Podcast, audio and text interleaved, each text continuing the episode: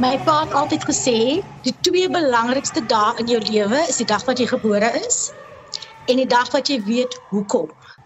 Hmm. Ek het dit nooit verstaan nie. Ek is 'n middelkind.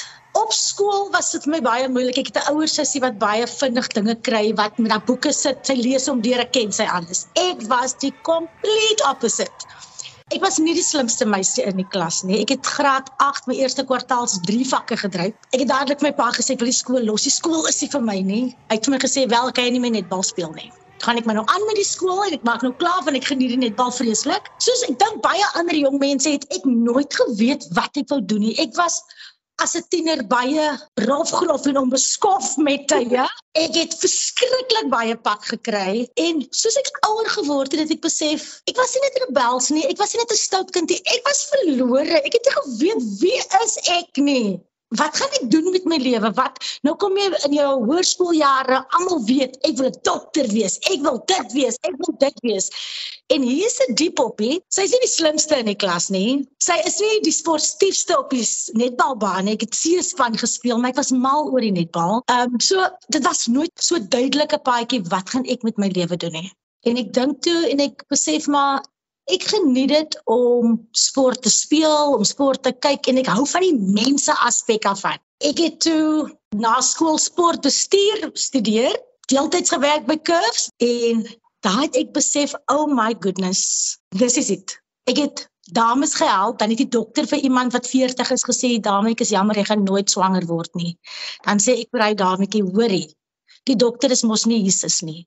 Net God kan besluit of ons swanger raak of nie swanger word nie. Dan begin ons, ek sê vir ons fokus op jou gesondheid. Glo dit nie? Daai selfe dame het vandag twee pragtige dogters. Nou om dit te kon beleef het as 'n 19-jarige, dit het my hele lewe verander. Toe ek besef nie net laat sport en fisiese oefening vir my as mens lekker voel nie. Kyk hoe ek ander mense kan help en ek het dadelik geweet this is my game changer. This is it for me. Ek moet met mense werk en ek moet vir mense help om hulle krag terug te vat deur fiksheid en nie net fiksheid te sien as ek wil maar word, ek wil seksie wees vir die somer, ek wil dit. Nee, dis 'n bysaak. So dit was letterlik 'n hartstaak. Jy het agtergekom, dit is jou manier van gee.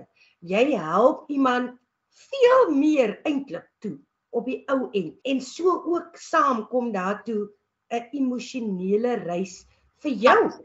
Absoluut. Jy kan nie help as om so jouself en jou emosies te belê in jou kliënte nie, want ek bedoel ons werk elke dag met mense wat my oudste kliënt op die oomblik is 68. Die jongste een in die studio is 15 jaar oud. Ek het mense wat oorgewig is en obese is. Ek het mense wat ondergewig is. Ek het mense met hoop beserings, mense wat deur dialyse gaan. Daar is soveel waarmee ons mense daagliks moet deel om hierdie plekkie te kon skep waar mense eerstens net kan asemhaal, 'n plekkie waar jy weet jy word nie geoordeel nie. Ons almal is daar om net 'n beter, gesonder weergawe van onsself te wees. Waar mense kan laat gaan van die dag se stres, kan hoop kry. Dit is hoekom die Here my hier gesit het. Hy het kom van 'n baie groot familie. Ons is baie mense in die familie. My ouma het 9 kinders gehad. So so 'n groot familie, maar ons is ook 'n groot familie. You know, ons mense is redelik groot. So ek was baie jonk toe het ek my oom verloor. Hy was 49 jaar oud en hy was soos 'n tweede pa vir my.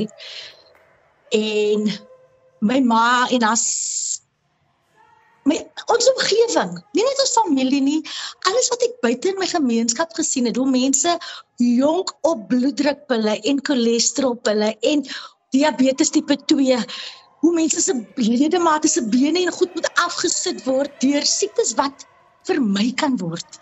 Ek was bang toe ek jonger was vir die vet word. En soos ek ouer geraak het en soos ek gegroei het, het ek besef dis nie vet word waarvoor jy moet bang wees nie. Dis die leefstyl waarvoor jy moet bang wees en dis die leefstyl wat ons moet verander. Ons het nooit regtig tyd om na ons te kyk nie. En dis nie nodig dat ons mense in hulle 60s en hulle 70s op hooppille is en nie kan loop nie en sukkel om op te staan in die oggend. Dit is nie hoe die lewe moet wees nie. Dit is wat ek besef het wat Fixit is. Fixit laat vir ons toe om 'n goeie kwaliteit lewe te lewe. En nou onlangs was jy te sien op TV, daar was 'n gewigsverliesprogram waar jy mense gehelp het om gewig te verloor, maar jy het ook jou hart verloor omdat jy so lief geraak het vir die deelnemers, né? Nee? Ag, daai ses mense sal vir altyd diep in my hart bly. Weereens ses verskillende mense. Hulle is in absolute verskillende fases van hulle lewens en dit het weer vir my bevestig almal gaan deur iets. Ons glimlag as jy inkom. Welkom. Ons ons almal soek iets waar ons net aanvaar word, 'n plekkie waar ons gemotiveer word, waar ons weet ek dis is where I can fill my cup. Maar wat vir my die uithou vermoë gegee het was as ek so sukkel, waartoe gaan hierdie ses mense? So met die groot afskud het ek baie geleer en ek het net weer eens besef dat ons mense het iets nodig om aan vas te hou. Ons mense het iets nodig om hulle siele te voed daagliks. Mm nie net die lyf, die siel want gesondheid gaan nie net oor hoe lyk en die gesondheid gaan oor is jy gelukkig, Heidi? Hoe is jou lewenskwaliteit? Daai ses mense gaan ek binnekort elkeen apart interview. Ek wil hoor hoe gaan dit? almal op die sosiale media bladsy wil weet hoe gaan dit met hulle.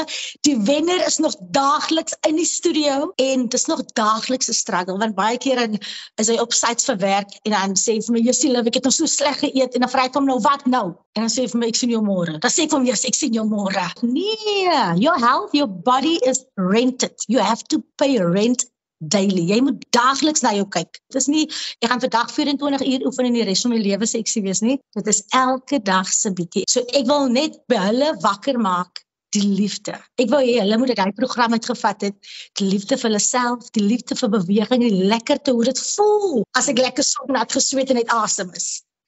En ek dink ek het dit reg gekry want almal van hulle is nog aan die beweeg. Hoe lyk die pad vir jou vorentoe? Wat is jou drome vir Olivia? En dit wat jy doen. Gaan ons jou weer op TV sien? Wat gaan gebeur? So ons begin oor 2 weke met die tweede seisoen van die groot afskeid. Ek is heidaglik op Minkie se uh, seisoen en ek skiet ook binnekort nog 'n seisoen met Minkie. So uh, ja, dit is goeie dinge wat aan die gang is. Ek wil bitter graag eendag 'n plaas hê. Dit sê ek nou al vanaf my 20s. Ek wil bitter graag 'n plaas hê want ek sien net spasie waar ek my mense kan rondjaag. Die droom is nie die fame nie, die droom is nie noodwendig die geld nie. Die droom is om meer mense te help. Ek wil meer mense hê wat vir my sê, "Lief, ek is op 'n beter plek as 5 jaar terug as gevolg van die oefening." Van my hoë bloeddrukpille af. Ek soek meer van dit. Dit is my droom. As ek my werk reg doen, sal ek kom. Gaan ek kom by al my belaglike drome. Kyk, eens op 'n stadium was televisie vir my 'n belaglike droom en dis ek vandag. Eerstens wil ek vir almal laat verstaan om gesond te wees om fiks te wees is eenvoudig. Dis bitter eenvoudig. Jy moet oefen, jy moet gesond eet, jy moet genoeg slaap, jy moet jou water drink. Maar dis nie maklik nie. Want as dit maklik was, was meer as 60% van ons land nie oorgewig nie. So eerstens, op so hard op jouself wees. Op so afpraat op jouself omdat jy dit nie 10 jaar terug al gedoen het nie, omdat jy nie al verlede jaar die gewig verloor het nie. Dis verby, jy is waar jy nou is. Kyk jouself in die oë en sê vir jouself ek is lief vir jou en jy verdien 'n goeie lewe. Jy verdien om goed te voel oor jouself. So wanneer jy iets kry wat jy geniet, gaan jy so verslaaf raak aan die gevoel wat oefening aan jou bring. Dat jy gaan vergeet van die gewig. Jy gaan begin goed voel en as jy goed voel, maak nie saak of jy 180 weeg of jy 60 weeg nie. As jy goed voel, jy gaan jouself anders dra. Jy gaan goed lyk. Jy loop met trots, jy loop met 'n glimlag. En ek bedoel, enige iemand wat glimlag is mooier. As jy sukkel, aanvaar dat dit nie maklik is nie en doen net elke dag die bietjies. As jy opgebogger het, dag weer op. Then no matter what, keep showing up.